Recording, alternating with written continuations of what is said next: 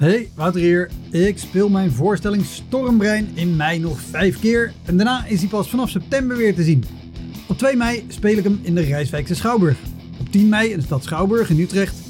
17 mei in het Toon Hermans Theater in Sittard.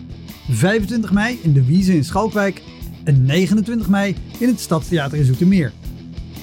Eind mei maak ik mijn nieuwe speellijst bekend, inclusief een te gekke show in de zomer.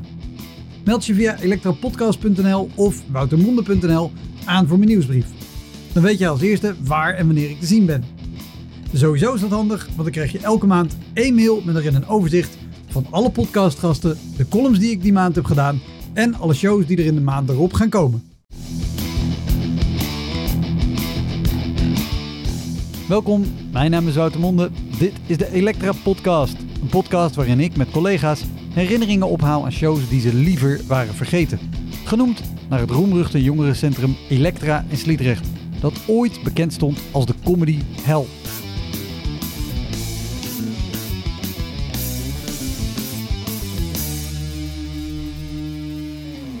Mijn gast is Mark de Hond.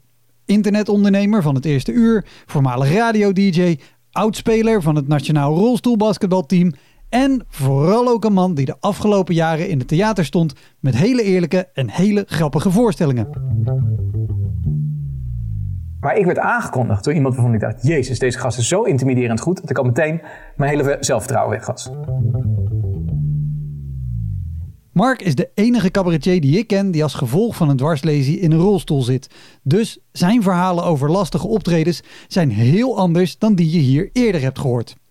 Ik vond dit sowieso een hele bijzondere aflevering om op te nemen. Want eigenlijk zou Mark nu, voorjaar 2020, in het theater staan met een voorstelling waarin hij wordt geïnterviewd over zijn leven. Om zo een mooi en volledig document achter te laten voor zijn kinderen. Mark heeft kanker en het is helaas niet vanzelfsprekend dat hij zijn kinderen heel oud zal zien worden. Wegens corona gingen die interviewvoorstellingen niet door, maar gelukkig konden wij wel een aflevering van deze podcast opnemen via Skype. Heel veel plezier. Dit is de Elektra Podcast met Mark de Hond.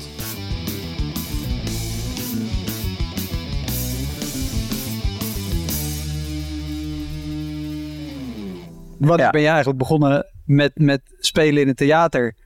Dat is 2013, 2014. Dat ik goed, eh, gezien. klopt? Ja, ligt er een beetje aan waarmee je begint met tellen. Kijk, mijn eerste keer dat ik echt op het podium was. Eh, en wat ook echt de ommekeer heeft betekend tussen mijn podiumangst. Dat ik dacht, dit kan ik gewoon niet en het wordt gewoon gênant als ik dit doe. Eh, en dat ik dacht, oh wacht eens even, als ik het op die manier doe, zou ik het misschien best kunnen. Dat kwam door eh, TEDx Amsterdam. Dus ik was gevraagd vanwege mijn dwarslezieverhaal ehm, eh, of ik mee wilde doen met TEDx Amsterdam. En toen zeiden ze ja, Schouwburg Amsterdam, het helemaal vol. En ergens op allemaal schermen in Nederland wordt er live meegekeken. En toen dacht eh, je, nou dan durf ik het wel. live op YouTube. En e- e- eerst dacht ik van ja, ik heb daar nog nooit van gehoord. Ik geloof er helemaal niks van. Dus dat heb ik toen eh, een beetje langs me heen laten gaan. Eh, dat mailtje heb ik wel gezien, maar een beetje over het hoofd gezien. En dat was eigenlijk al in 2010. En toen zaten ze in 2011 bij De Wereld Draait Door. En toen dacht ik, oh wacht even, dit bestaat echt. en toen gingen ze in 2012 mij nog een keer vragen. En toen zei ik van, ja, maar ik weet eigenlijk niet of ik dat kan. En toen zeiden ze, nou, je wordt niet betaald. Maar wat we wel doen, is we gaan je gigantisch goed coachen. Ten eerste krijg je een coach om je verhaal echt gewoon goed met een begin, midden en een eind op papier te zetten. En we doen een soort sprekerscoach die jou over je podiumangst heen gaat helpen. En dat was via Skype. En er was een of andere man in Hongarije of ergens anders in de Balkan. Een Engelsman die daar zat en die gaf gewoon Skype coaching. En die heeft mij eh, wat dingen geleerd. Eh, vooral om uit het hart te spreken. Maar dat heb ik in eerste instantie eigenlijk toch niet gedurfd. Dus wat ik gedaan heb, is dat ik toen ik eenmaal een hele goede tekst had, waar trouwens geen enkel grapje in zat, eh, heb ik hem gewoon van voor tot eind letterlijk uit mijn hoofd geleerd. En zo goed uit mijn hoofd geleerd dat ik hem zelfs achterstevoren kon. Oh, wauw. Zodat ik, ze- zodat ik zeker wist, het was maar 12 minuten, maar zodat ik zeker wist dat er echt niks mis kon gaan. en ehm, eh, ik heb ook nog op een side-event, heb ik, eh, eh, heb ik nog een keer datzelfde verhaal nog een keer gedaan. eh, dat, dat was dan in het Delamar Theater en er zaten net iets minder mensen. Toen heb ik eerst het verhaal nog een keer gedaan en toen zei ik van, van willen jullie weten hoe hard ik hierop gestudeerd heb? En toen zei ik van, oké, dan mogen jullie nummers zeggen. En dat zijn dan nummers van verschillende zinnen uit mijn speech. En als jullie de nummer zeggen, dan doe ik de zin die daarbij hoort. en toen heb ik dus gewoon, heb ik dus eigenlijk een beetje in mijn goocheldoos laten kijken van hoe goed ik, ik, ik, ik was zo onder de indruk van hoe goed ik dat uit mijn hoofd kende. dat ik, en die mensen waren echt enorm onder de indruk. Maar ik had dat dus echt helemaal mega memory. Dat is een boek. Uh, daar, dat je met visualiseren kan je heel veel dingen onthouden. Had, ik ze, had, ik, had ik al die zinnen in mijn huis. In allemaal verschillende kamers in mijn huis liggen. En dan deed die open en dan zag je allemaal plaatjes. En die plaatjes die symboliseerden de zinnen. En uh, ik wist precies welke uh, nummer bij welke plek hoorde. En dan, dan ging dat. En dat had ik echt nodig. En dan wist ik zeker dat ik het zo goed kende. En toen weet ik dat ik de avond ervoor ging we repeteren. En ik kom podium op. Uh, en Katja Schurmer was na mij, die moest ook repeteren. Maar die had er eigenlijk niet zoveel tijd in gestoken. Die wist ook niet precies wat het was. En die kwam er pas achter toen ze daar de avond daarvoor was, dat het echt serieuze business was. en toen zag zij hoe super strak ik mijn verhaal kende. en toen ging zij het podium op. En het was dramatisch. En zij was een van de laatste sprekers de avond daarna. En toen heeft zij dus de hele dag thuis gezeten. Is zij nog niet gekomen. En is ze dus alsnog enorm gaan studeren om dan uh, uiteindelijk heel knap er toch nog wat van te maken. En ik vond haar speech uiteindelijk nog wel best goed, want ik ma maakte me echt zorgen voor haar, omdat ja. haar generale repetitie echt heel slecht was. Oh, maar nadat, nadat het dus voorbij was, gingen mensen me feliciteren alsof ik jarig was. Ja, ik had gewoon een goede speech gehouden. En uh, die hele stad Schouwburg, de een na de ander die ik tegenkwam, die ging me feliciteren. Van jeetje, goed, mooi verhaal, goed gedaan. En, um, en dat was voor mij een soort ommekeer dat ik dacht, oh, als het zo kan voelen, dan zou ik dit wel vaker willen. En toen werd ik gevraagd voor de lulverhaal van Howard Kompoe. Ja. En ik weet niet of je dat project nog kent, maar die hadden, die hadden allemaal relatief bekende mannen, die allemaal een intiem verhaal vertelden als mannelijke tegenhanger van de vagina-monoloog. En toen had hij gezegd van, nou, volgens mij heb je ook wel een lulverhaal. En toen dacht ik, ik ga het meest heftige verhaal vertellen wat ik maar kan vertellen. Dan letten mensen er niet op of ik uh, te veel uurtjes heb of dat mijn grapjes niet kloppen als ik een grapje maak. Dus toen dacht ik, oké, wil jij een lulverhaal? Ga ik vertellen hoe ik voor het eerst weer seks had na mijn dwarslezing. Dus dat was mijn, dus ik had een monoloog gemaakt met uh, dat ik uh, nou ja, eerst in het revalidatiecentrum lig en dat ik de eerste drie, jaar, drie maanden helemaal niet met seks bezig was. Want ik was al wat andere dingen bezig. Maar je bent toch een man, dus komt het Peter Jan Rens momentje. Doet hij het of doet hij het niet? Dus dan ga ik eerst vertellen over de eerste keer dat ik ging proberen te masturberen. En dat ging allemaal nog niet zo best. En de eerste keer dat ik met mijn vriendinnetje in het revalidatiecentrum was. Dat was alleen maar met TL-licht en dat was een mooi verhaal. En toen was het uiteindelijk uit met mijn vriendinnetje en toen moest ik meisjes gaan regelen. Maar ik was zo onzeker over mijn dwarslezing. Dat ik dacht, ik kan nooit meer leuke meisjes krijgen. Dus ik was de lat heel laag gaan leggen. En het enige, de ene kansloos meisje na het andere. Daar sprak ik dan mee af, omdat ik echt dacht dat ik niet beter kon krijgen. Dus daar had ik een mooi verhaal over. En uiteindelijk eindigde dat verhaal met dat ik na vier jaar een leuk meisje tegenkwam in de supermarkt. En dat ik daar een hele bijzondere avond uh, mee had met uh, voor het eerst massageolie. En dat was de missing link. En het verhaal eindigde met dat zij hard bezig was. En dat ik zei van nou, op een gegeven moment moet je maar gewoon stoppen, want dat is gewoon zonde voor je energie. En zij ging gewoon doorbeuken. En uh, het verhaal eindigde met ik deed mijn ogen dicht. ik deed mijn ogen dicht en toen ik ze weer open deed, zag ik voor het eerst in vier jaar sperma. En ik heb, dat verhaal heb ik een paar keer in Toemler gedaan. En ik kreeg altijd een staande ovatie. En toen zei, zei Howard, die zei tegen mij, je bent de eerste ooit die uh, een staande ovatie krijgt voor het woord sperma. Ja. En, uh, en toen ik dat had gedaan, toen, toen, kwamen ze naar me toe van het impresariaat van de lulverhalen, Impact. En die zeiden van volgens mij, als je dit zou willen, kan je een eigen tour doen. En toen dacht ik, uh, oh, kijk, dan loopt alles nog goed? Oh, dat is mijn, oh, mijn, mijn, sorry, mijn Siri die dacht dat ik iets aan hem vroeg. um, vroeg je om okay, sperma? Ja, ja, vroeg je om sperma. Ik, uh, Oké, okay, nou ja, het is een heel hele geile telefoon heb ik. oh, hij spuit nu ook. Oh, jezus. Graag, wat ranzig. Uh, nee, maar... Um, dus toen kwam het management, uh, impresariaat, kwam naar me toe van uh. En die zeiden, als jij dit zou willen, denken wij dat wij wel een eigen tour voor jou kunnen regelen. En toen zeiden ze van... Um, en toen zei ik van, ja, dat lijkt me heel bijzonder. Als jij het voor elkaar krijgt om vijf theaters te vinden die mij willen boeken, ga ik proberen een voorstelling te maken. Um, en toen kwamen ze terug, toen zeiden ze, er zijn 25 theaters die jou willen boeken. En dat was een beetje, ik had een soort uh, compilatie gemaakt van mezelf bij de Wereldrijd Door. Uh, met dat uh, lulverhaal, sperma verhaal. En het was gewoon een goede promo. Ja. En er waren dus 25 theaters die mij wilden.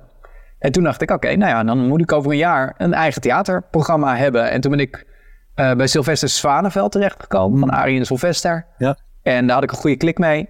En uh, die heeft mij heel goed geholpen. En toen heb ik mijn eerste voorstelling gemaakt.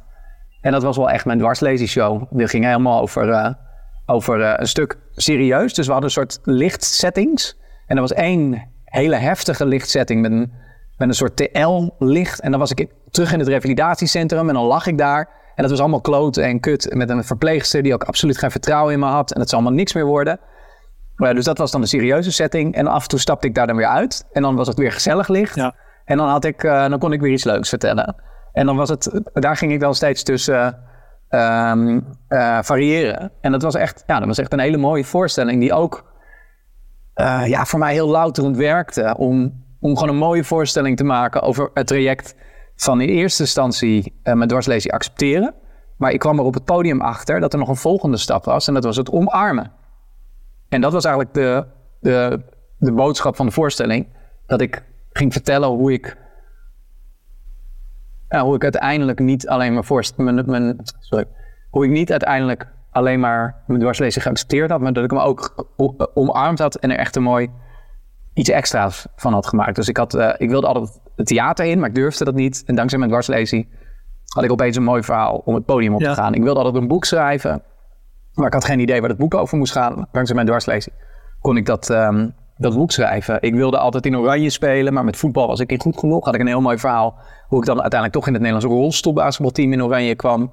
En zo had ik heel veel dingetjes die lieten zien van dat mijn leven ook gewoon mooier was geworden dankzij mijn dwarslezing. Dat was ook een beetje de uitdaging van Sylvester. Die zei van, eh, eh, je moet een beetje het idee hebben aan het einde van die voorstelling dat mensen in de zaal denken, eigenlijk wil ik er ook eentje. En dan eindigde ik een beetje met een soort, soort waarschuwing. Dat ik zei van, ja, ik weet wat jullie nu allemaal denken. Ik wil er ook een. En, maar ik moet jullie wel even waarschuwen van spring niet meteen uit het raam. Want eh, weet je, moet je het wel vanaf de juiste hoogte doen. En, eh, dus dat, dat eh, vond ik heel leuk om mee te spelen. Want daar, En ehm, als ik mag onderbreken, daar, daar ben ik wel benieuwd. Ja. Want je zei aan het begin al, je had podiumangst. Daarom, Ja. dat heeft je eerder tegengehouden. Toen werd je gevraagd voor TEDx. Je gaat met een of andere Hongaar, klinkt heel oneerbiedig, maar met een of andere Hongaar. is Engelsman in Hongarije. Een man in Hongarije. Eh, Ja. dan, dan is eigenlijk je, je eerste keer, denk ik, eh, voor het publiek, gelijk al even in de stad Schouwburg met 800 man. Ja, En, en ook nog eens een hele imposante zaal. ja. Eh, dan die lulverhalen, die hadden natuurlijk volgens mij ook gewoon een goed publiek en, en, en een goed concept. Dus daar komen ook allemaal mensen erop af die erop willen. Dan ga je 25 keer het land in. Je had toen denk ik ook zeker wel gewoon enige bekendheid. Maar wisten mensen waar ze voor kwamen? Nou, ik heb, het ik heb dus het geluk dat ik altijd vanuit mijn radiotijd, dat ik, uh, ik film zat, de tijd daarvoor, dat ik mijn eigen internetbedrijf had en dat ik eh, het, het, het eh, nieuw kid on the block was die heel goed kon vertellen over dat nieuwe fenomeen internet. Ehm, en, dus ik heb altijd heel erg goed, misschien heb ik dat wel aardig van mijn vader geleerd, altijd heel goed aan zelfpromotie gedaan. Dus ik had mijn telefoonboek altijd wel vol staan met eh, mensen die op bepaalde redacties werkten. Ja. Sterker nog, eh, ik heb heel lang eh, met mijn radioprogramma een soort talentenpool gehad van mensen die eh, als eerst bij mij een kans kregen bij mij op de redactie. Eh Luc Ikink is bij mij begonnen, ehm eh, Willemijn Veenhoven, Astrid de Jong.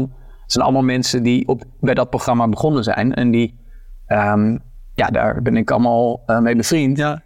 Dus, maar, maar, maar ook gewoon allemaal, allemaal mensen die dan ehm, ja, op, op redacties van tv-programma's zitten. En dat het, dat het me gewoon heel goed lukte toen ik dan mijn eerste theaterprogramma ging maken... om een aantal keren in een gewoon een goed tv-programma te zitten. Eh, ik heb bij Humberto Tan eh, gezeten in de tijd dat hij nog eh, wel kijkers had. Eh, ik heb bij Tijd van Max gezeten, wat eigenlijk best wel goed bekeken wordt. Ehm, en ja, ik merkte dus dat eerste rondje, omdat er maar 25 zalen waren. Kijk, eh, eh, als er veel vragen is en je hebt maar 25 zalen, en dan zitten die ook redelijk goed vol. Ja. Dus het begon eigenlijk met een soort gevoel van, oh, nou oké, dit is het dus. Ja, En eh, ik heb een keer gehad dat ik in, de, in het posttheater stond. ja Arnhem. En in Arnhem, ja. En eh, die zaal zat, eh, nou, zat niet helemaal vol, maar echt goed, goed vol. En in de zaal daarna speelde Pieter Jouke, die ik al heel lang volg en die ik een briljant comedian vind. En die speelde in de kleine zaal. En ik zeg, hoeveel heb jij daar? En hij zegt, eh, 25, 30. En ik zat zo naar hem te kijken en ik denk van, ja, maar dit, dit klopt toch niet? Jij kan het echt. Ik, ik kom er net kijken. En ik voelde me eigenlijk schuldig ten opzichte van hem. En al helemaal, uh, want hij heeft natuurlijk ook uh, pas later echt gehad dat mensen die hem echt geweldig vinden, dat die naar zijn voorstelling komen. En de mensen die het niet snappen, dat die dus niet meer komen. Dat, dat was in die tijd nog niet. Kijk, nu heeft hij echt zijn publiek gevonden, gaat het top. Maar ik heb dus na die voorstelling gehad dat gewoon mensen in de foyer, die kwamen stuk voor stuk naar me toe om me te bedanken. En dan zat hij naast me. En ik schaamde me gewoon echt voor hem. Dat hij zo'n avond had. Dus ik ben heel blij dat, uh, dat hij nu echt het publiek heeft wat hij verdient. En uiteindelijk uh, hebben ze me de tour daarna, waarin ik geen uh, dwarslezieverhalen meer vertelde, maar iets heel anders ben gaan doen. hebben ze me in één keer in 80 zalen geboekt. En toen heb ik het ook gewoon wel meegemaakt dat je een keer een avond voor 30 man staat. En toen kwam ik erachter dat ik dat ook wel kan. Dat uh, voor 30 man spelen. Uh, vaak uh, laat ik ze dan met stoeltjes op het podium komen, dat ze lekker dichtbij komen. Want ik wil niet in zo'n enorme zaal die dan half vol zit. kom dan gewoon op het podium zitten met stoeltjes. het, het, klinkt nu heel gek dat, dat, dat, dat, ik dat, dat je dat nu zou doen.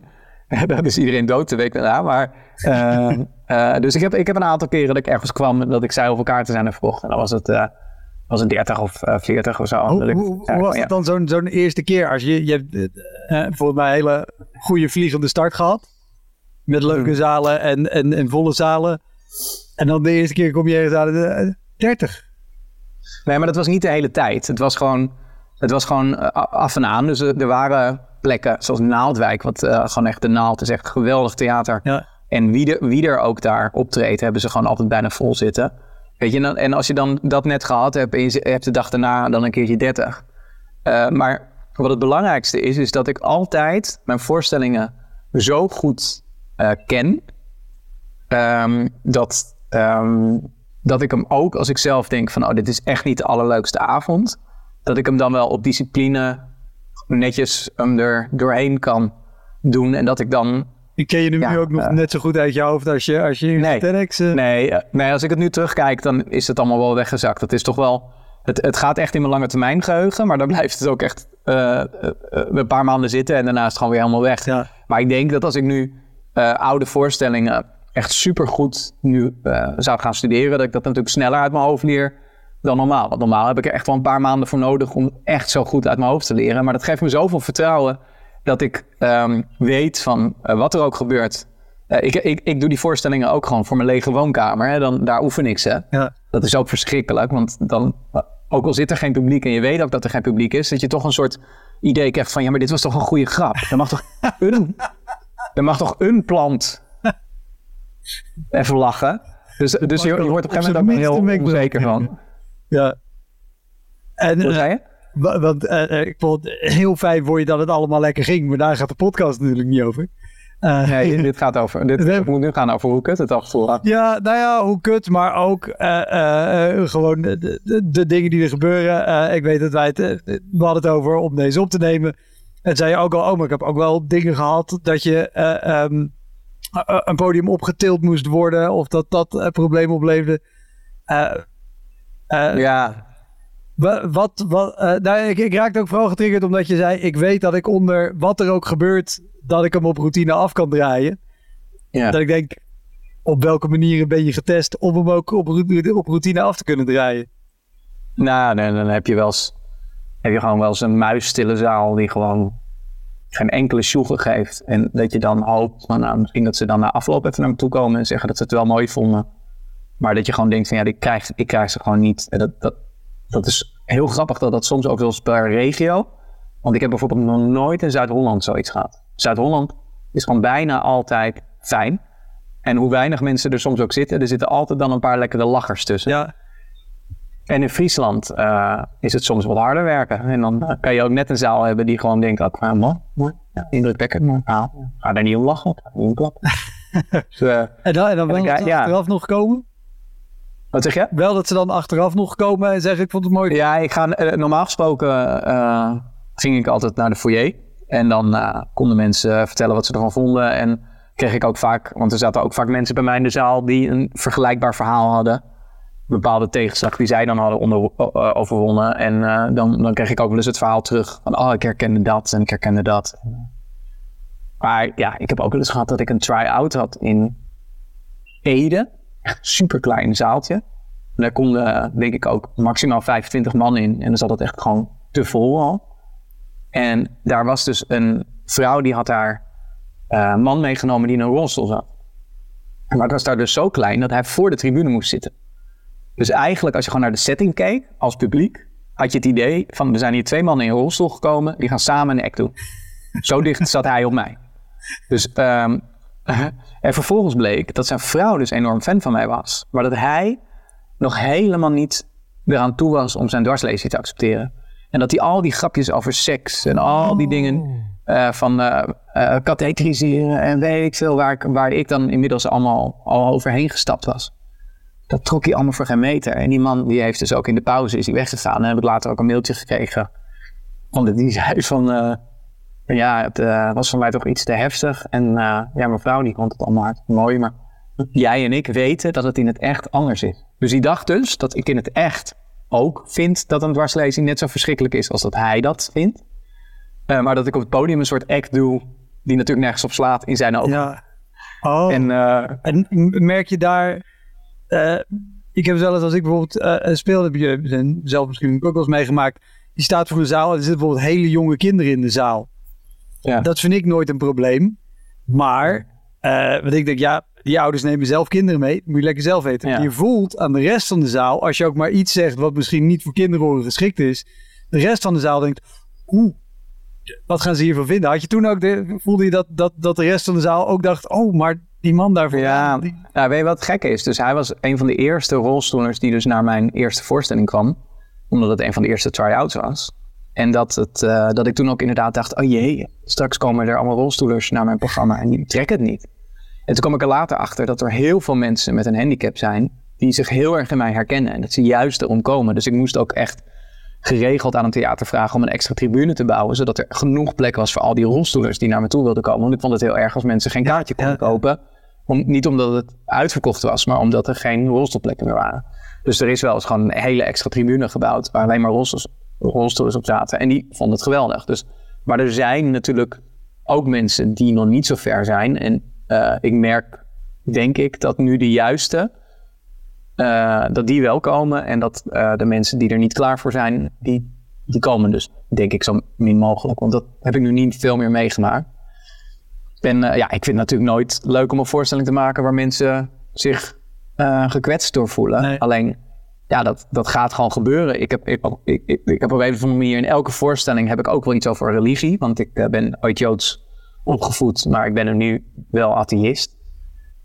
En Um, ja, in elke voorstelling zitten daar wel grapjes over. En ja, dan ga ik naar Barneveld en denk ik, ja, ik ga nu, nu in Barneveld een aangepaste versie maken waar ik die grapjes weghaal. Ja. Ja, dan zitten er altijd een paar mensen die gekwetst zijn over mijn uh, grapje van, uh, van uh, sommige mensen noemen God Allah, anderen noemen hem Hashem, zelf noem ik hem placebo. En dat, nou ja, dat, dat, soort, ja, dat soort dingen. En dan, dan krijg je wel eens een mailtje van, was dat nou echt nodig? En ik denk van ja, niks is nodig. De hele voorstelling is niet nodig, maar ja, dit is gewoon hoe ik in het leven sta. En uh, ja, dan kan je ook gewoon denken van, wat een sukkel. Uh, krijgt hij vast kanker als hij uh, dat soort stomme dingen zegt. En, dan, en voilà. ja. ja, dus waarschijnlijk komt het door allemaal grapjes over God. Dat hij, dat hij dacht van, nou, dwarslezing is niet genoeg, moet nog wat bij. maar je vroeg over um, ongemakkelijke rolstoelsituaties. En dat is dus als, jij, als, als je zoals ik een voorstelling maakt, zoals die eerste voorstelling, die helemaal gaat over, ja, maar rolstoel is helemaal geen probleem en ik heb het helemaal geaccepteerd. Maar als je dan een podium hebt waar je gewoon echt niet op kan komen zelf, omdat er geen, geen liftje is of geen ramp, wat dan ook. Omdat je dan uh, er echt opgetild moet worden, wat gewoon heel ongemakkelijk uitziet. Ja. En wat ook mensen misschien een soort ongemakkelijk gevoel geeft. Van, oh god, dan is het allemaal weer... Um, uh, ja, dan is gewoon ook een gedeelte van die boodschap is eigenlijk al weg. Want mensen hebben gezien ja, je zegt dat de rolstoel er niet toe doet, maar we hebben toch net gezien dat het eigenlijk hartstikke stom is. Dus wat ik uh, later ben gaan doen, is dat ik als er zo'n zaal was waar ik het podium opgetild moest worden en waar nauwelijks coulissen was, dat ik er dan toch maar voor koos om mijn technici uh, me dan het podium op te laten tillen. En dat ik dan uh, van, 20 minuten lang vanaf het moment dat de zaal open ging, dat ik me dan een beetje ja, in een heel klein stukje ging zitten verstoppen. om to toch dat beeld niet meer te hebben. Dus dan, uh, dan zat ik uh, soms met nauwelijks coulissen, dat ik daar dan achter zo'n doek. Dan moest ik me daar twintig minuten van maken. Ja, gewoon omdat ik eh, ja, niet vanuit de kleedkamer op wilde komen. Want dan zag het er gewoon stom uit en dan was mijn boodschap weg. Ja, en dan moet je denk ik ook nog even goed checken of je niet ergens toch langs de coulissen te zien bent. Nou, dat zal vast wel eens gebeurd zijn dat mensen vanaf helemaal de, vanaf de zijkant me zagen. Dus helemaal zitten zwaaien. En, eh, eh, maar ik heb dus ook een keer gehad, en dat is ook de reden dat ik niet meer naar het Werftheater ga in Utrecht. Nee, Eh, dus dat hebben we gewoon gezegd van die boeken we niet meer. Eh, want eh, daar kan ik alleen maar komen door via een steile trap naar beneden getild te worden. ja, het- voor, en voor mensen die, die het Werftheater niet kennen, dat zit in Utrecht nou ja, aan de werf en het is een theater, vandaar de naam. Ja, on- gewoon echt eh, ja, onderaan een ja, gracht eigenlijk. Ja, en, En, en de enige manier waarop je daar kan komen is dus door van een steile trap naar beneden getild te worden. En als dat dus fout gaat, dan kan je van heel hoog naar beneden vallen. En ja, ik heb wel een dwarslezing, maar die kan altijd hoger. Als ze hem ongelukkig laat vallen, ja, dan kan, dan kan hij nog een stukje hoger. Ja. Dus ik, ehm, dat is het ergste. ja, dus dat is niet mijn favoriete. Dat is niet, en wat er dus gebeurd is, eh, ik maakte daar altijd in het werftheater, toen ik er wel nog optrad, maakte ik altijd een geintje, had ik een foto waarbij ik eh, zogenaamd door de boot van de zonnebloem eh, werd afgezet voor het werftheater, alsof ik via de gracht dan ergens met de boot. Zei ik van ja, ik ben net door de zonnebloem afgezet, kijk maar, en had ik daar een fotootje van gemaakt. Ehm, maar de laatste keer dat ik daar optrad, hebben ze me gewoon in het donker, gelukkig en nog niet helemaal bovenaan de steile trap, heeft een technicus is gewoon uitgegleden. En eh, ik lag gewoon op mijn rug, ondersteboven, eh onderaan die trap. Oh nee. En eh, een gedeelte van mijn rolstoel was ook beschadigd. Ik had net een nieuwe rolstoel. En toen hebben ze me snel weer rechtop gezet en ben ik uiteindelijk naar boven gegaan. En toen heb ik impresariaat gebeld en gezegd van ja, dit, dit is het gewoon niet waard. Dus zoek alsjeblieft een ander theater in Utrecht en anders maar niet Utrecht. Want ja, dit is gewoon... eh, je moet ook een beetje je waardigheid nog eh, Ja, ja, ja. ja. willen. Nou ja, en, en bij het Werftheater heb je dat natuurlijk gewoon om, om binnen te komen. Eh, je hebt het bij Podia, maar je, je noemde eh, het Posttheater. Ik weet niet per se waar de kleedkamers van de grote zaal zitten. Dat zegt genoeg over mijn carrière. Eh, Oh, maar, bij, bij de. Nee, ik, ehm, ik, ga, ik ga heel vaak niet naar de kleedkamers, want die kleedkamers zijn vaak ergens boven. Ja, Eh, maar ik vind het vaak prima als ik toch in mijn eentje ben om gewoon in de artiestenfoyer om te kleden. Ja. Eh, weet je het? eh, eh, dus in het posttheater, ehm, eh, eh, ja, dan, dan, dan weet ik ook niet eens waar de kleedkamers zijn. nee, ik, Eh, wilde dus dan, dan kom ik. Ja, d- dus heel vaak kies ik ervoor om, om te zeggen van, nou ja, weet je, zo'n officiële kleedkamer heb ik niet nodig. Dus soms is het op het podium. dan, dan bouwen ze iets op het podium achter het doek. Ehm, of, ze, of ze doen iets in de artiestenfoyer. En eh, er is altijd wel iets. Ik stuur altijd als ik ga optreden ergens een soort mail met allemaal dingen waar ze op moeten letten. En ehm, ja, dan, dan is er altijd wel een oplossing. Mijn, mijn technicus die weet precies wat voor mij wel en niet acceptabel is. En die, ehm, eh, ja, en die heeft dan van tevoren, dus als ik ergens nog niet geweest ben, heeft hij dan uitgezocht eh, waar ik dan om moet kleden als ik me om moet kleden. Maar wat ook vaak een uitdaging is, is überhaupt nog naar het toilet gaan. Eh, nu zijn de meeste theaters wel zo dat als jij een rolstoeltoilet zoekt, dat het bij het publiek, dat er wel een rolstoeltoilet Ja. is. Sommige echt niet. Dus dan kan je gewoon ook de hele avond niet naar het toilet. Moet je er ook rekening mee houden. Dus dat is ook gewoon echt heel vervelend. Maar dat levert, bij- eventueel ook nog op als jij denkt een kwartier voor aanvang, ik ga nog even snel naar de wc, dat je dus gewoon door de foyer en al door de mensen zou moeten. Eh, dat is ook wel eens gebeurd. Eh, dus als ik echt nog even naar het toilet eh, moet, dan, dan gebeurt het inderdaad dat ik, dat ik gewoon wel echt door de mensen... Ja, dan is dat verstoppertjespelletje is dan even weg. Ja, Dan kies ik ervoor om toch gewoon naar het toilet te gaan. En soms, ehm, eh, want het was voordat ik, ik... Ik ben vorig jaar door, vanwege blaaskanker is mijn blaas verwijderd. Dus nu heb ik in ieder geval qua plassen... heb ik allemaal niet zoveel problemen meer, want ik plas toch niet meer. ja. Maar toen ik dan wel moest plassen, dan was het ook wel eens dat ik snel van tevoren nog even ging katheteriseren. En dat dan, dan nog ergens even een zak eh, liet liggen, omdat ik hem nergens kon legen. En dat kwam dan na de voorstelling wel. en, maar ik heb ook wel eens gehad dat ik het podium opging en dat ik voelde van, oh, ik had eigenlijk nog even moeten plassen voordat ik opkwam. Dit gaat, dit gaat vervelend voelen. En eh, toen, eh, toen kwam ik op en dan was ik gewoon vijf minuten bezig. En ik zei van, ja, het klinkt heel gek, maar ik, ik moet volgens mij nog even plassen. Dus doe even iets voor jezelf. en toen he- heb ik het, maar toen heb ik het, omdat ik die voorstelling zo goed uit mijn hoofd kende, heb ik het dus wel eens voor elkaar gekregen. Dat ik dus in de coulissen aan het katheteriseren was met mijn eh, lampje van mijn iPhone erbij. En dat ik in de tussentijd mijn tekst door ben blijven doen. En dat ik eh, later op de GoPro, want we namen elke eh, voorstelling op met een GoPro, waardoor we hem altijd even terug konden kijken om te evalueren. dat ik wel eens hoorde dat, terwijl ik in de coulissen was en ik zelf het publiek niet meer kon horen, dat ik hoorde dat ze nog gelachen hebben terwijl ik dus aan het plassen was. dus dat was wel echt heel bizar. Dacht van, nou, dan is het... eh, Maar ja, die dacht ook dat het erbij hoorde. Dat gewoon de act was. Dat ik gewoon Ja. een verhaal ging vertellen terwijl ik zogenaamd aan het plassen was. En die wist helemaal niet dat ik dat echt aan het doen was. Wat doen? Oh, wauw. Wat goed. Nou ja, het, eh, ja, het, is gewoon eh, sanitaire ongelukjes. Die zijn gewoon in mijn geval toch wel kans iets groter dat dat dan gebeurt. En dan eh, moet je altijd even kijken van hoe, hoe kan ik dat nu opvangen met het publiek. eh, Ja, dat ik ze niet helemaal kwijt ben. Maar eh, vaak is het zo van ja, dan win ik ze wel weer terug. Maar het is nog vervelender om een hele voorstelling te doen met in je achterhoofd van oh jezus, eh, dit voelt gewoon niet goed. Me, ehm, mijn lijf voelt niet goed. Dus dan is het toch vaak de moeite waard om gewoon tijdens de voorstelling toch nog even eh, iets te gaan doen. Ja. De, de, de podcast is genoemd naar jongerencentrum Elektra in Sliedrecht. En dat is zo omdat hij, toen ik begon, stond hij bekend als de comedy hell.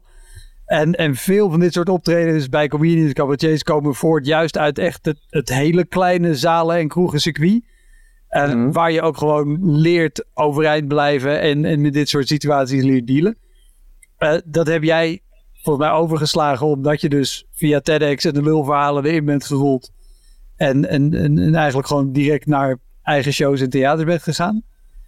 Ja, en dat ik me nooit geafficheerd heb als comedian. Nee. Ik, eh, ik heb me altijd geafficheerd als eh, iemand die een mooi verhaal komt vertellen. Dus mijn eerste voorstelling was een mooi verhaal van mijn dwarslesie. De tweede voorstelling was een mooi verhaal over eh, het oorlogsverleden van mijn opa. Ehm, en mijn derde voorstelling ging, eh, die uiteindelijk geannuleerd is wegens mijn ziekte. Die dat was een rode draad over klimaatverandering en waarom hebben we het daar zo weinig over. En dat was een voorstelling die ik gemaakt heb in de tijd dat we het er echt nog heel weinig over hadden. En dat ging uiteindelijk... ja, we hebben nu natuurlijk de afgelopen weken weinig over Gre- Greta gehad. Ja. Ja, ik heb bijna niks meer over haar gehoord. Heeft ze, is ze ziek? Nee. Eh, nee, Ehm, ze- ze- de- ik heb er één keer voorbij zien komen en het was inderdaad in, in verband met corona ergens. Oh, oké. nou, ze zal het wel niet hebben, ik. Maar, de, eh, maar goed, ik, eh, ik, ik heb me altijd naar buiten toe geafficheerd als van... nee, ik ben helemaal geen comedian. Ik ben iemand die een mooi verhaal vertelt. En aangezien ik het gewoon heel leuk vond om ook grapjes te maken... en dat ik dat een mooie manier vond om omdat ik merkte dat ik het wel kon, maar dat je echt niet een kaartje van Mark gaat kopen om de hele avond te lachen. Dat kan ik ook niet. Ik kan niet de hele avond alleen maar eh, grap na grap na grap. Eh, ik ben iemand die heeft een inhoudelijk verhaal en de grapjes zijn dan een middel. En als ik het verhaal eh, aan het vertellen ben en ik heb dat verhaal geschreven en ik heb gewoon een tijdje gewoon niks kunnen vinden om een grapje te maken. Van ja, hier, hier heb ik geen grapje bij kunnen verzinnen of hier past geen grapje bij, dan komt die ook gewoon niet. Ja. Dus ik vind het ook helemaal niet erg in sommige voorstellingen om ook gewoon een keer 10 minuten geen grapjes te maken. En dan probeer ik het daarna altijd, als dat zo'n stukje geweest is, om een stukje te schrijven waar ik wel even een paar minuten wel grap na grap, Ja, grap doe. Maar dat hou ik. Ik ben gewoon niet goed genoeg in alleen maar comedy om, om, de, ja, om zo'n hoge grapdichtheid te halen. En ik denk dat de meeste mensen een kaartje kopen, als ze al een kaartje kopen voor mij, dat ze dat doen omdat ze eh, willen horen hoe ik van iets lelijks iets moois maak. Van, eh, ja, daar gaat el- elke voorstelling gaat er van mij over. Van er is iets naars gebeurd. En hoe, hoe, hoe kan ik er naar kijken op een manier waarop dat toch minder erg wordt? En wat kunnen mensen daar eventueel linksom of rechtsom van leren, zodat zij dat misschien ook in hun leven kunnen toepassen?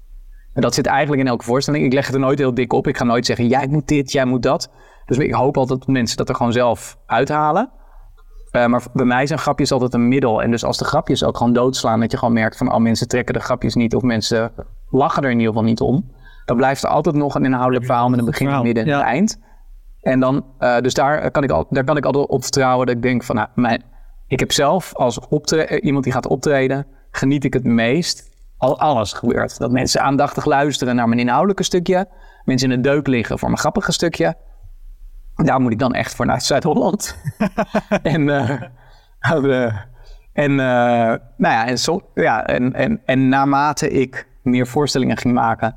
En naarmate ik ook een keer, ik heb nu ook een keer geprobeerd om eh, in een eh comedy café, gewoon nadat ik kanker had, had ik gewoon heel erg zin om dat helemaal van me af te, ja, Hele- van me af te ja, spelen. Door samen met Javier Guzman gewoon een stukje te schrijven wat stand-up comedy is. Acht minuten lang achter elkaar alleen maar grappen over wat ik heb meegemaakt wat kanker betreft. Dus, uh, en, en dan gewoon kijken of me dat lukte om dat in een uh, goed stand-up comedy café op het open podium, om dat gewoon even neer te zetten. En uh, dat, dat heb ik toen gewoon vier weken nadat ik mijn grote operatie had, voelde ik me alweer goed. Had ik dat stukje uit mijn hoofd geleerd en dacht ik van oké, ik geef me gewoon op en ik ga het gewoon doen. En het voelde zo louterend om dat te doen en het werkte ook meteen. Ah, En toen heb ik dat als, dat, dat stukje is eigenlijk de basis geworden van de voorstelling die nu weer geannuleerd is. Want ik had, uh, ik had nu een uh, voorstelling waarbij allemaal mensen mij konden interviewen. En dat werd dan gefilmd, zodat mijn kinderen, als ik er straks niet meer ben, doordat het, uh, ja, mijn kansen zijn niet super goed in verband met mijn blaaskanker, dat ik dan een heel mooi document heb met allemaal interviews. Um, waarin ik mijn levensverhaal vertel. En dat begon dan altijd met ja, uiteindelijk een kwartier heb ik daarvan gemaakt. Met alleen maar kanker, wat me afgelopen jaar met kanker allemaal is overkomen. Met alleen maar grap, grap, grap, grap, grap. En dat, ja, ik, uh, het werkte. Uh, maar Peter Pannenkoek had het gezien en die zei, die zei, weet je hoe het nog beter gaat werken? Je moet mensen toestemming geven om te lachen. Dus je moet ergens aan het begin, moet je uitleggen hoe belangrijk lachen om kanker voor jou is. Ja, dat dus toen ben ik inderdaad gaan uitleggen. is het bladen onderwerp zelfs. Ja, dus die mensen die worden ongemakkelijk ja. soms. Want die denken, ik kan toch niet lachen om kanker. Ook al heeft hij het en dan maak ik er grapjes over. Maar dan vertelde ik inderdaad van, uh, van ja, ik, ik heb het zo nodig om met jullie even te lachen hierom. En uh, dat, dat werkt dus zo louterend. En uh, ik weet dat het misschien soms ongemakkelijk kan zijn. En dan had ik dat een beetje in mijn introotje. En dan merkte je dat mensen langzaam loskwamen en dat het dus heel vaak lukte dat mensen gewoon echt uh, hun gêne voorbij gooiden en gewoon echt om de grappen lachten. En er zaten echt een paar hele goede grappen bij. En um, ja, dat, dat, dat, werkte ook gewoon louterend. Ja. En het was ook een hele goede basis om uiteindelijk dan dat interview in te gaan. Want dan had ik die intro gedaan, had ik alles uitgelegd wat me overkomen was. Had ik helemaal uitgelegd waarom ik dit interviewproject wilde maken. En dan hoefde ik alleen maar de interviewer te introduceren. En die kwam naast me zitten. En dan konden we, ja. konden we vanaf daar vertrekken. En, uh, en, en, en, het verhaal vertellen wat op wat die avond centraal stond. Want elke avond was er een ander verhaal. En dat, daar merkte ik dat het ook heel erg gaaf is om het podium op te gaan. En alleen maar te weten, we hebben vanavond uh, dit verhaal uit mijn leven. Waar we ongeveer een beetje over gaan hebben. Ik heb daar een paar foto's en video's bij uitgezocht die ik dan kan laten zien. En de interviewer weet ook ongeveer een beetje waar het over gaat. Maar het hele verhaal is geïmproviseerd. Elk grapje wat ik eventueel over maak, doe ik ter plekke. En dat merkte ik dat dat ook echt super gaaf is om te doen. Ja. Nou ja, ik denk sowieso inderdaad als je uh, al kijkt naar het advies van, van de befaamde man in Hongarije. Met vertel het vanuit je hart. En als dat inderdaad is hoe je je voorstellingen maakt of zo'n project ingaat. Dan komt het ook over. Of je nou ja, en, en de, 500 doet. Ja, en de camera's die aanwezig waren, die, die introduceerde ik echt als dit zijn de ogen van mijn kinderen. Dit is echt wat zij gaan zien als zij straks nieuwsgierig zijn naar mijn vader, uh, naar hun vader.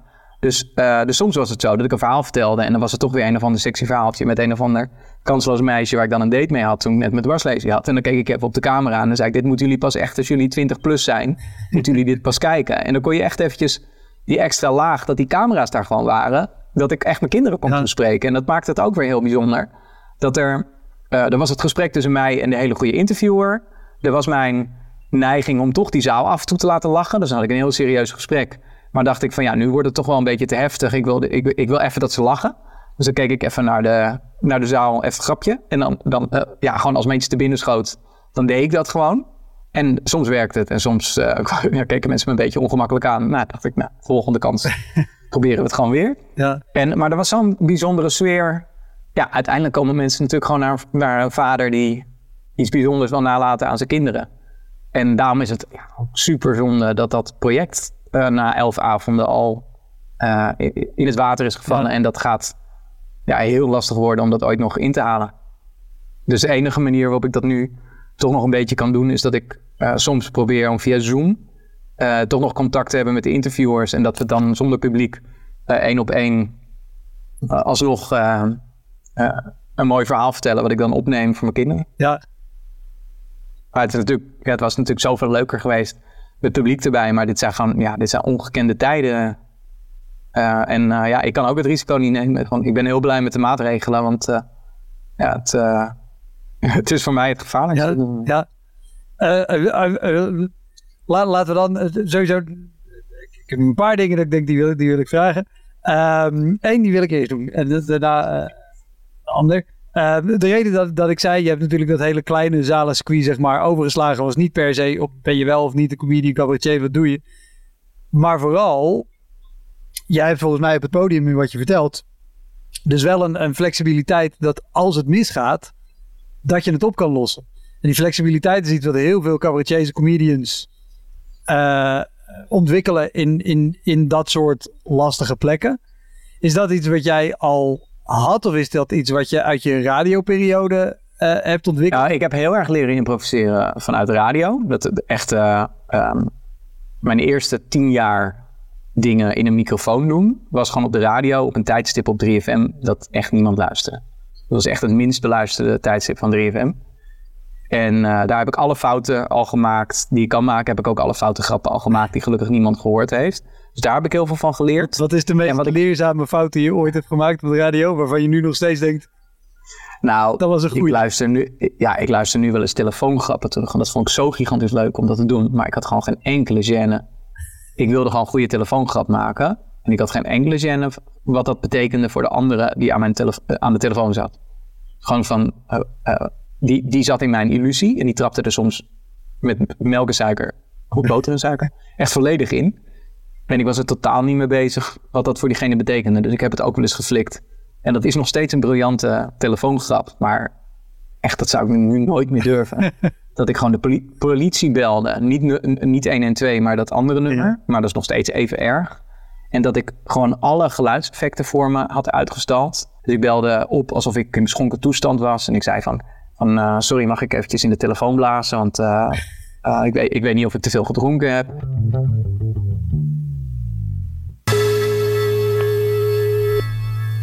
Goedenavond, Monica, politie Gooien Vechtstreek. Wat kan ik voor u doen? Ja, goedenavond. Ik spreek met Gerrits, hè? Ik spreek met de politie, hè? Ja, daar spreekt u mee. Ja, ik heb eh, vanavond een beetje gedronken. Ik dacht, laat ik eventjes de politie bellen om eh, advies te vragen. Ja. Of, of ik zo de, de weg op kan. En zou ik eventjes in de telefoon kunnen blazen? Dan moet u maar eventjes inschatten of ik een... eh, Nee, dat kan niet, want dat, eh, dat heeft geen effect. Eh, ik, eh. Nou, ja, misschien kan ik u even vertellen wat ik gedronken heb. Dan kunt u het misschien nee, inschatten. als je gedronken hebt, dan mag je, ge- mag je niet een, eh, een eh, motorvoertuig bestuderen. Ja, maar misschien als het net niet genoeg is, hè? Dat het, eh, Ja, dat dat wel- maakt niet uit. Drank is drank. Ja, dan kan ik inderdaad beter niet rijden misschien. Nee, zou ik maar niet doen. Nee. Nee, ik dat denk- is het advies van de politie. Als je gedronken hebt, niet achter het stuur. Ja, is misschien het beste dat ik daar niet de weg op ga. Nee, ja. doe het maar niet. Nee, ehm, Lijkt me erg onverstandig. Ja, mevrouw, eh, mevrouw waar, waar kan ik hem het best stoppen dan, de auto? En waar ben je dan nu? Ja, ik rij nu op... eh, ja, het is heel donker. Ik kan niet goed zien waar ik nou precies zit. Ehm even kijken, hier komt een bocht. Eh, nee, ik weet niet. Ik zit ergens bij Hilversum in de buurt. Nou, ja. Ja. Goed, zo- zoek een goed plekje waar je hem neer kan zetten. Ja, is dat ga- misschien- Maar rij niet verder, want je, zou de grootste ongelukken maken. Ja, ik kan het beter niet doen inderdaad. Nee, hè? goed. Meneer Gerritsen, zoek een goed plekje voor je auto. Ja, zou ik doen. Oh, jij, uw collega's zitten achter me. Kan je nagaan. Ja. Ik hoor ze. Ja, nou, dan ben, je de, dan ben je de pineut. Ja, ik probeer iets harder door te rijden, dat ze me niet pakken. Wacht Nee, even. je moet stoppen. Ja? Dag meneer Gerritsen. Ik rij nog even een stukje door, mevrouw. Wacht even. Ik, ik, even kijken. Als ik hier naar links ga, dan hebben ze me niet. Ja, wacht even. Mevrouw, bent u daar nog? Ik ben er nog. Ja, maar wat- ik zou maar stoppen als ik jou was. Ja, moet ik stoppen? Ja, ik zou maar stoppen. Nou, wacht even. Ik Want Oh, sirenes van politie, dan moet je stoppen. Is dat zo? Ze zeggen, ze zeggen niks hoor. Nee, je moet stoppen. Ja, maar ik ga iets harder hoor, ja. Ja, Ik zie net een fietser die zich rot geschrokken zeg. Hij staat. hij Ja, staat- meneer Gerritsen, eh, het gaat u goed. Dank u wel hè. Dag.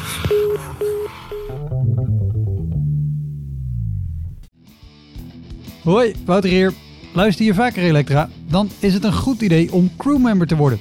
Je doneert dan automatisch elke maand een klein bedrag en in ruil daarvoor krijg je extra afleveringen, consumptiebonnen om in te wisselen als je eens live bij mij komt kijken en je krijgt een unieke link waarmee je voortaan de podcast luistert zonder dat ik halverwege onderbreek om te vragen of je crewmember wil worden.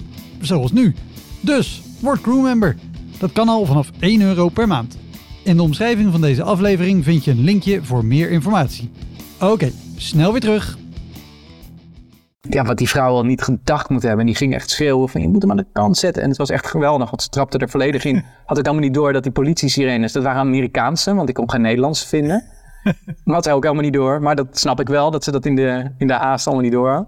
Nou ja, ik heb dat... ehm, ik vond het altijd een hele goede grap. Maar ik schaam me er wel een beetje voor dat ik daar gewoon een politievrouw Ja. voor heb lastiggevallen. Maar ik heb nu met die, ehm, met die theatertour die ik dus eh, deed, eh, heb ik het dus ook een keer gehad over mijn eh, radiocarrière. En heb ik even wat fragmentjes laten horen. En dan heb ik dit fragment aan een zaal laten horen. En die zaal lag helemaal in de deuk. En ik had bij de radio, had ik nooit een idee of mensen het grappig vonden. Want dat, daar kwam je niet achter. Ja. Je, je zendt het gewoon uit. Maar of je luisteraars moeten lachen, dat weet je niet. Je weet alleen dat je het zelf heel leuk vindt. Ja. En nu had ik voor het eerst het aan een zaal laten horen. En ik dacht, oh, het was dus wel grappig. Maakt dat ook dat jij nu in een zaal een grap kan maken die misschien niet valt en dat je er makkelijk overheen kan stappen? Ehm, ja, als het er een paar, als het er eentje is. Ja, kijk, ehm, wat je natuurlijk altijd krijgt, is dat je een keer overmoedig wordt. Dat je op een gegeven moment denkt van, ik kan dit. En ik hoor dan altijd verhalen van anderen van dat, het, dat, ze, dat ze af zijn gegaan. En ik denk van, ja, ik, ik ga eigenlijk nooit echt af. Maar ik, ehm, eh, ik ben in mijn overmoedigheid, eh, deed ik ook veel, ehm, eh, ik deed ook veel bedrijfsoptredens. Want we- daar kon ik ook omgaan met veranderingen. En dan vertelde ik mijn dwarslezen als metafoor. En dan, werd ik vaak bij bedrijven die aan de vooravond stonden van een grote verandering, werd ik daar geboekt. En daar had ik dus ook eh, eh, altijd wel succes mee. Eh, ook wel eens in hele kleine zaaltjes met heel erg licht TL-licht om negen uur 's ochtends. Maar ik werd op een gegeven moment een beetje overmoedig. En ik was dan aan mijn derde voorstelling aan het schrijven. En ik had allemaal nieuw materiaal. En dat wilde ik wel even uitproberen. En ik had een congres met 400 artsen in de Fokker Terminal in Den Haag. Waar ik dus wel even bedacht om, om, om, eh, om daar echt even 12 minuten nieuw materiaal. eh, nou, ik was er zo van overtuigd dat dat nieuwe materiaal goed was. Ik had het nog helemaal niet getry-out. Normaal gesproken try-out ik echt eerst gewoon voor bekenden. Dan ga ik het voorlezen, kijken of het goed is. En dan, maar nu was ik gewoon zo van overtuigd. Ja, het is gewoon goed. Het is hartstikke grappig. Ik vind het zo leuk. Alleen ik ken het ook nog niet zo heel goed uit mijn hoofd. Eh, en er was een hele goede dagvoorzitter. Echt zo'n geweldige dagvoorzitter dat ik hem uiteindelijk ook de speech op mijn bruiloft heb laten doen. Want ik vond hem zo grappig. Dus eh Michiel Perenboom. Oh, Eh, ja. Ik heb nog nooit, eh, die, die is heel erg grappig. Ik heb nog nooit zo'n goede dagvoorzitter gehad. Oh, Maar het probleem was dat ik normaal gesproken bij elk congres toch wel een beetje de grappigste was. Want dat was altijd heel saai en dan was ik die ene grappige. Kwam wel goed. Maar ik werd aangekondigd door iemand waarvan ik dacht... Jezus, deze gast is zo intimiderend goed... dat ik al meteen mijn hele zelfvertrouwen weg was. Vervolgens kom ik het podium op en ik begin met mijn nieuwe materiaal. En die mensen, het was 40 graden geloof ik. Het was echt, en er zaten ze allemaal in die pakken. En ehm eerste grapje slaan niet aan, tweede grapje slaan niet aan. En eh, vervolgens begon ik ook een beetje onzeker te worden. Ik kende de tekst ook niet zo goed. Ik verneukte ook een paar grapjes. En dat is echt voor het eerst geweest dat ik dacht van misschien kan ik nu beter weggaan. Dit wordt niks meer. En, eh, toen, eh, en dan heb je ook nog een PowerPoint waar dus al die grapjes ook al in verwerkt zitten. Dus je kan ook bijna niet zeggen van oké, weet je wat, dat nieuwe materiaal laat zitten. Oh. Eh, want, dan, want dan moet je het dus ook, want mijn laptop stond bij de techniek. Eh, dus dan moet je ook al die grapjes waarvan je besluit om ze niet meer te doen, die gaan dan wel doorgeklikt worden terwijl zij dan zitten te kijken. Dus ik dacht, oh god, ik moet het gewoon. Eh, dus dit was de eerste acht minuten of weet ik veel. Echt verschrikkelijk. En ik werd onzekerder en onzekerder. En toen kwam ik uiteindelijk bij het stukje wat ik, waar ik altijd wel succes mee had. En wat ik altijd al in mijn repertoire had zitten. Maar ik had dus nu nog maar negen minuten waarin ik überhaupt nog wat ging vertellen. En ik, eh, ja, toen heb ik toch maar geprobeerd om, om, om alle grapjes los te laten en gewoon een mooi verhaal aan ze te vertellen. Alleen je kan gewoon niet, als je acht minuten zo bent afgegaan, kan je niet daarna nog met negen minuten de boel recht breien. En dat was echt dat ik gewoon met schaamte naar de opdrachtgevers keek. Want eh, die bedrijfsoptrainers, daar wordt echt netjes voor betaald. En dat ik ook gewoon meteen met ze backstage ben gegaan en heb gezegd: Ik heb nog nooit, eh, ik ben er nog nooit zo onderuit gegleden. En eh, laten we maar afspreken wat we met de prijs gaan doen. Want eh, ik vind gewoon niet dat dit het waard was. Dus ik heb echt meteen aan ze aangeboden: van hier, hier moeten we even financieel iets, iets aan gaan doen. En ik heb daar wekenlang echt gewoon trauma's van gehad. En dit was dus ja, het moment dat ik dacht van, oh goed, eh, dit was de overmoed dat ik dacht van, oh ik kan dit gewoon. Maar dat is niet zo. Ik kan het als ik het super goed voorbereid, mijn tekst super goed ken en, eh, en het niet 40 graden is met allemaal artsen in pakken en een hele goede dagvoorzitter. Want die krijgt ze wel aan het lachen, hè? Die, die kreeg ze continu aan het lachen, want hij was echt super goed. En dan mijn bruiloft heeft ook iedereen, hij heeft een monoloog gehouden over mij en mijn vrouw. Heeft ook iedereen een half uur gelachen. Want zo goed is Michiel Perenboom, dus iedereen moet hem boeken. maar je moet nooit door hem aangekondigd worden op een congres. Dat, dat, dat, dan, als je daarna nog grapjes wil maken, dan, je, dat, dat, dan moet je echt van goede huizen zijn. Ja. En maar ik, echt, ik heb een zo naar gevoeld. En, maar om, om, omdat, het, omdat het slecht ging? Of om, omdat je gewoon in de overmoed was gestapt met dat doe ik wel even? Nou ja, ik, ik had blijkbaar dus bij die bedrijfsoptredens... had ik gewoon een soort samenvatting gemaakt van mijn eerste voorstelling. En dat was gewoon echt een hele goede voorstelling. En die voorstelling had ik natuurlijk heel vaak gespeeld... en ook heel vaak voor bedrijven gedaan... En dat, dat, dat was gewoon, dat kon ik dromen. En daar kon ik ook gewoon, als ik dat een paar weken niet gedaan had, kon je me gewoon een podium opgooien. En dan kende ik dat. Ja. En op het moment dat ik daar dus niet van dacht, oh dat repertoire is goed. Maar dat ik dacht, ik ben goed. En dan kan ik wel eventjes dat repertoire aanpassen. En dan maakt het allemaal geen reet uit. Ja, dat is dus eh, de blunder die ik heb gemaakt. En toen kwam ik er echt achter van, nee, wacht even. Ik ben helemaal niet supergoed. Eh ik moet gewoon echt gewoon heel hard werken om een goed verhaal te maken. En dat moet ik dan heel goed kennen. En dan, eh, ja, en als ik dat dan heel vaak gedaan heb en, en, en er vertrouwen in het materiaal heb, dan, dan, dan, dat, dan is er iets van kwaliteit.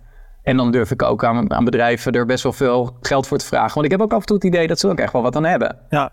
Zo'n be- zo'n bedrijf wat, wat een soort inspiratie nodig heeft van, eh, van ja, we gaan verhuizen met het bedrijf. Of er moeten een aantal mensen moeten eruit. Of we gaan een ander soort eh, methode gaan we werken.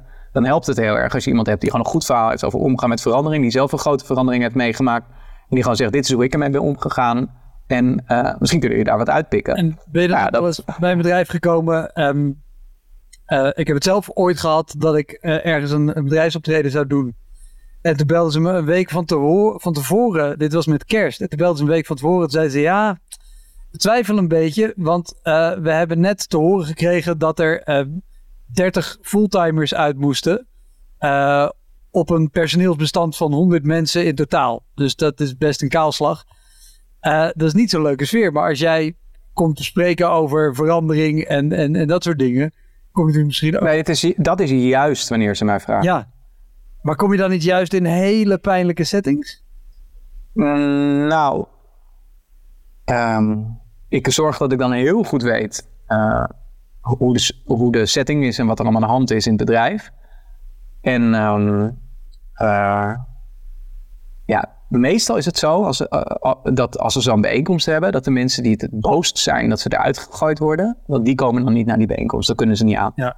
Maar je hebt ook altijd wel mensen die begrijpen dat die verandering gaat gebeuren en die dan, ehm, die dan wel willen horen wat, wat eh, de directeur en Mark de Hond daarover te zeggen hebben en, en erover openstaan.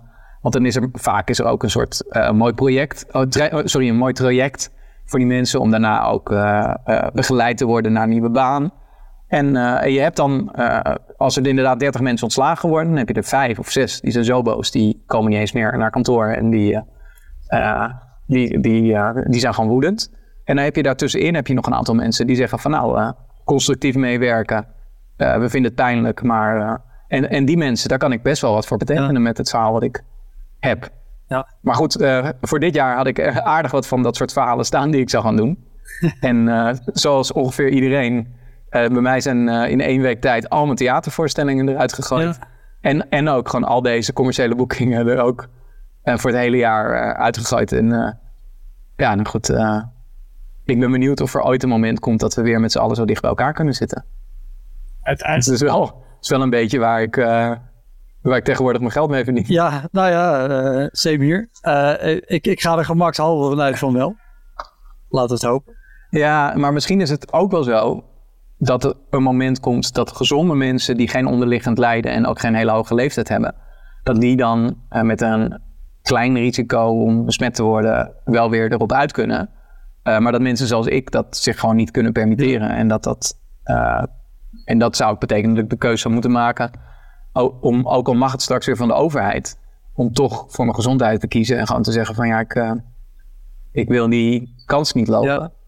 Maar ik, ja, sowieso moet er een moment, ja, voordat ik weer naar buiten ga, moet, het, moet er een- op zijn minst een moment zijn dat de ziekenhuizen weer beschikbaar zijn. Want op dit moment is het zo dat als er nu wat met mij zou gaan gebe- gebeuren, en zeker de komende week, dat er een kans is dat ze gewoon geen tijd voor me hebben. En ja, eh, dus ik moet gewoon even hopen dat, dat, eh, dat het allemaal stabiel blijft de komende weken. En dat er dan straks weer een moment komt dat ook gewoon patiënten met iets anders wel weer naar het ziekenhuis kunnen. En dan, eh, ja, dan moet ik per dag bekijken of ik weer echt naar buiten durf of dat voorzichtig blijft. Ja, Ja, het klinkt heel gek om er nu over te, over te praten. Over dat optreden alsof het de normaalste zaak van de wereld is. Terwijl het nu alweer zo lang geleden voelt. Nou ja, en het, het zet alles ook in een heel raar eh, eh, perspectief. Want het is ook, ja, nu hebben we het over slechte optredens of goede optredens. En de andere kant is, ja, hoe belangrijk is dat eh, ten opzichte van, van wat er nu aan de hand is? En zeker eh, bij jou, in jouw situatie, weet je, dit nog... Het is voor mij heel pijnlijk, ook al snap ik het allemaal, is dat ik gewoon eerst heel hard gewerkt heb aan een hele mooie voorstelling. eh, en dat ik hem toen, toen ik, omdat ik kanker kreeg, eh, nadat ik net in première was en er heel hard aan gewerkt had om een, om een mooie voorstelling te maken, dat ik hem toen eh, heb moeten stoppen zelf. En toen heb ik daarna weer heel hard gewerkt aan weer een nieuwe mooie voorstelling. En eh, nu heeft de overheid besloten dat ik die niet meer mag spelen. Ja. En het is, ja, het is gewoon heel erg hard om zoveel energie te steken in iets moois maken. En dat dan twee jaar op rij gewoon niet te kunnen uitvoeren. En ik moet er inderdaad ook over nadenken of, of ik, uh, uh, want ik sta wel weer enigszins ingepland voor 2021, maar ik moet er echt over nadenken of ik de energie kan opbrengen om echt weer iets nieuws, moois te maken. En uh, met de kans dat, uh, of door corona of door kanker, ik dat ook weer niet kan spelen. En dat ik dan misschien, ja, dat zou heel pijnlijk zijn, want het is echt een, ik vind het een van de leukste dingen die ik ooit gedaan heb. Afgezien van va vaderschap. Um, en daar kan ik nu enorm van genieten, want als ik dan toch thuis zit, dan maar met mijn kinderen. Ja. Uh, en die, uh, ja, daar, daar heb ik nu wel echt goede tijd mee. Uh, maar um, ja, het, ik, ik, weet dus gewoon nu niet zeker. Het ligt ook aan mijn gezondheid. Of ik ooit nog het podium op ga. Ja. Om, wel, om welke reden dan ook. Maar het zou kunnen dat, dat die laatste voorstelling voor mijn vakantie eind februari. Toen ik uh, met Sibrand Niese en Martine van Os geïnterviewd werd in Castricum. en, en toen inderdaad gingen we, mochten we geen handen schudden en dan gingen we volgens mij iets met ellebogen doen. Ja. en, en toen ben ik daarna nog een weekje op vakantie geweest. En toen ik terugkwam, brak de pleuris uit. En ja, het zou kunnen dat dat dan de laatste keer was dat ik voor het publiek heb gestaan.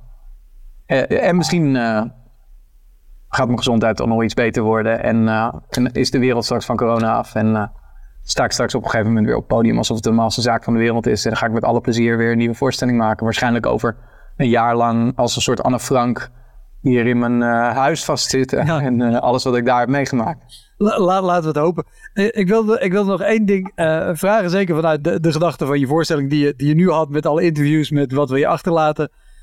Dan zou ik willen vragen, wat, wat is een optreden waar je je kinderen over zou willen vertellen? Nou, dat was een optreden, daar had je bij moeten zijn, want daar was ik echt op mijn allerbest. En een optreden waarvan je, uh, als daar camera's bij hadden gestaan, had gezegd, jongens, zet hem even uit, want dit hoeven jullie niet te zien. Nou, Um, ja, er zijn echt wel heel veel avonden geweest dat alles gewoon goed lukte. En ik gewoon echt zo verbaasd was van jeetje, ik kan dit gewoon. Denken, ja, de Naald in Naaldwijk, dat is echt geweldig theater waar, waar het gewoon altijd lekker gaat. En uh, daar, daar mag ik al vanaf het begin komen en daar ben ik eigenlijk elk seizoen ongeveer wel. En uh, ja, dat is zo'n cadeau. En zij zorgen er gewoon voor dat die zaal vol zit. En dat volgens mij de helft van die mensen heeft geen idee wie ik ben. En die hebben dan toch gewoon een kaartje gekocht omdat ze dat theater gewoon zo vertrouwen. Ja. Dus ik zou zeggen, een van die avonden in de Naald in Naaldwijk. Of uh, wat ook altijd heerlijk gaat, is um, in Rotterdam in het, uh, bij Zuidplein. Ja. Mee, volgens mij sta ik daar in de kleine zaal. En, maar daar, dat, dat is zo'n fijn publiek. Dus daar moet ik dan aan denken. Dus ik zou zeggen, um, kijk daar naar. Maar daar zijn natuurlijk geen beelden van. Ja, en wat zou je echt absoluut niet terug moeten kijken? Dan zou ik inderdaad zeggen van uh, die, die commerciële gig die ik had in de, in de, in de passenger terminal. Dat, waarna ik gewoon echt dacht van ik moet hiermee stoppen. Dat ik echt dacht van dit, dit is zo pijnlijk. Dit, dit, hier, hier moet ik gewoon echt niks meer mee doen. En daar heb ik gewoon echt een week mee gezeten. En uh, ik schaamde me zo diep. En ook gewoon, ik, ik was zo boos over, over mijn eigen arrogantie dat ik dacht, dat ik dacht van, uh, al die verhalen, hoor, verhalen horende van anderen die dan afgegaan waren. En ik dacht, ja, maar dat heb ik nooit. Omdat ik het nu had en ik dacht van, ah, ik ben helemaal niet zo goed. Zo, En, en, uiteindelijk word je daarna word je er natuurlijk beter van. Ja. Dat, je, dat je dan weet van, oh wacht even, daarom ging het mis. Dus dat moet ik echt nooit meer doen. Ja. Want anders, ja, anders wordt het een heel pijnlijk vak. Eh, dus ehm, eh, ja, ik zit te denken of er nog een andere avond is die echt verschrikkelijk was. Nou, ik heb, ik heb nog een keer een avond gehad voor een christelijk bedrijf. Maar die hadden er niet heel veel nadruk op gelegd dat, dat het bedrijf christelijke oorsprong had en dat het meeste personeel ook christelijk was. En ik heb in mijn bedrijfsding heb ik een aantal verwijzingen naar seks. Maar er, er gebeurt niks expliciets. Het, is altijd, het gebeurt alleen in het hoofd van degene die luistert. Ja. Dus ik zeg echt niks goors. Kunnen de dingen gebeuren. Maar op het moment dat ik dan een, een eh, ja, ja, iets impliceer, kunnen mensen er vervolgens zelf in hun hoofd een ranzig beeld bij maken. En toen heb ik ehm, na afloop gehoord dat echt wel een aantal mensen van het personeel, dat die het daar echt heel moeilijk mee hadden, hoe, eh, hoe ik grapjes over seks had gemaakt. Dat ik echt dacht van, ah, dat, dat is voor mij zo, zeker naar de lulverhalen, zo dat, daar denk ik niet eens meer aan dat mensen dat moeilijk vinden. En ik denk van als je, als je gewoon Nederlandse tv kijkt, dan wordt er toch zo vaak naar verwezen. Hoe, hoe leef je dan in Nederland als je, als je gewoon een Ja. impliciet grapje over seks. Weet, weet je nog iets wat erin zat? Nou, ik heb een eh, soort alternatieve manier waarop ik mijn dwarslezing heb gekregen. Dus ik heb een verhaal dat ik dan zeg van ja, ik wil niet meer vertellen hoe ik echt mijn dwarslezing heb gekregen. Want dat verhaal heb ik zo vaak verteld, dat is heel pijnlijk. Dus als mensen nu aan me vragen hoe ik mijn dwarslezing heb gekregen, ga ik het voor mezelf leuk maken. Dan ga ik mijn fantasieverhalen vertellen. Dus ik heb dan, ehm dan mogen mensen in de zaal mogen aan mij vragen, wat jij je dwarslezing gekregen? Eh, of hoe komt het dat jij in een rolstoel zit? En dan heb ik tien verschillende varianten, korte verhaaltjes. En dan moeten zij meteen zeggen, oh wat vreselijk, met de hele zaal. En dan ga ik de hele, zaal, ga ik die hele eerste rij ga ik dan af en heb ik eh, al die verhaaltjes nog elkaar. En dan zeg ik van ja, iedereen zegt altijd, oh wat vreselijk.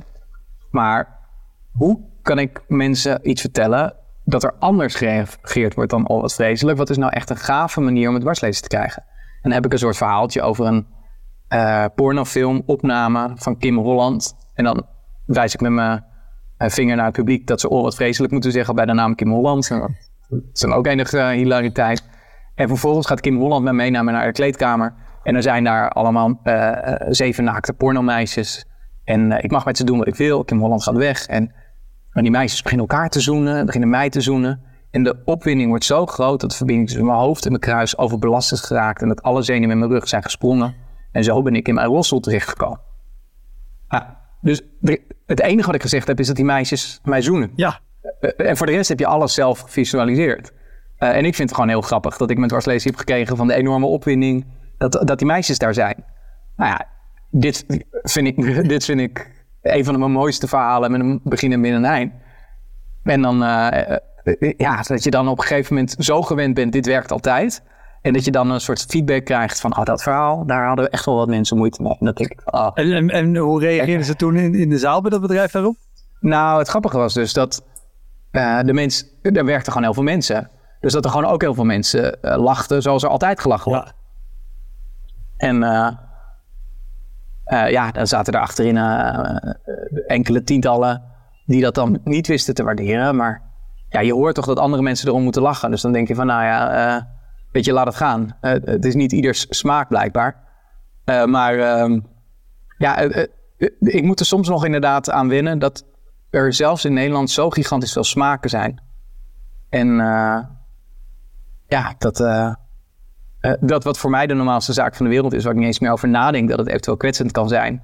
Dat er, dat het, ja, omdat ik gewoon zo open-minded ben dat ik er helemaal niet meer bij stilsta. Maar dat ik dan af en toe toch een mailtje krijg, zeker bij zo'n zakelijke evaluatie. Ze hadden me trouwens wel een 8 gegeven. Dus het bedrijf zei voor het totale verhaal een 8. Maar waarschijnlijk was het een 10 geweest als ik niet die seksgrapjes nog had gemaakt. Maar dat moest wel even gemeld worden aan mij, hè? Van, eh, dat met die seksgrapjes. Oh, wat goed. Maar mijn, broer, maar mijn broertje was ook mee, want eh, die was mijn chauffeur in die tijd. En die had me ook dat optreden zien doen. En ik zei tegen hem dat ik die evaluatie had gekregen. En die zei, ach, wat bizar. Want er kwamen gewoon, de directeur kwam me eerst bedanken en feliciteren. Het was zo goed en het was precies in de roos. En blijkbaar heeft hij daarna dan die feedback Ja. gekregen van die paar mensen die het dan moeilijk hadden. Dus het, eh, ja, nou ja, goed. eh, eh, misschien moet ik gewoon niet meer feedback vragen en niet meer feedback krijgen en gewoon weg. En gewoon het gevoel houden van, van wat er op dat moment in die zaal was aan, aan, aan vibe. En, uh, maar ja, goed, aan de andere kant werkt het, ja, vind ik het ook wel gewoon fascinerend om af en toe zo'n mailtje te krijgen. Dat, dat mensen gewoon echt zo totaal anders kunnen denken dan ik. Ja. ja dat merk je ook op Twitter. Dat, ja, dan zet ik ook wel eens iets op Twitter en dan lijken toch mensen het er niet mee eens. Zal je altijd blijven houden. Uh, dankjewel. Mooie verhalen. Nou, jij ook hartstikke bedankt. Ik uh, kan dit interview uh, erbij zetten voor uh, Livian James. Dan heb ik er toch nog weer eentje extra. Dat was hem, de Elektra Podcast. Meer informatie over mijn gast van vandaag en linkjes naar van alles en nog wat vind je in de omschrijving van deze aflevering. Er staan ongelooflijk veel afleveringen online van Elektra. En op elektrapodcast.nl kan je makkelijk zoeken op de naam van jouw favoriete comedians en cabaretiers. Je kan daar ook eenmalig doneren of crewmember worden. Als crewmember betaal je maandelijks een klein bedrag, maar dan krijg je ook nog eens bonusmateriaal. Je luistert voortaan zonder onderbrekingen en je krijgt consumptiebonnen die je kan inleveren bij een show van mij. Ik vind het sowieso te gek als je een keer komt kijken bij mij. Dus ga naar woutermonde.nl, daar zie je precies waar en wanneer ik optreed. Of meld je aan voor de nieuwsbrief, dan hou ik je op die manier op de hoogte. En dan nog iets, elke vrijdagmorgen doe ik een column op radiostation Kink. Je kan die column terugluisteren als podcast. Hij heet Kink op de Week en je vindt hem in de app waar je ook deze podcast luistert. Oké, tot de volgende Elektra. Hoi!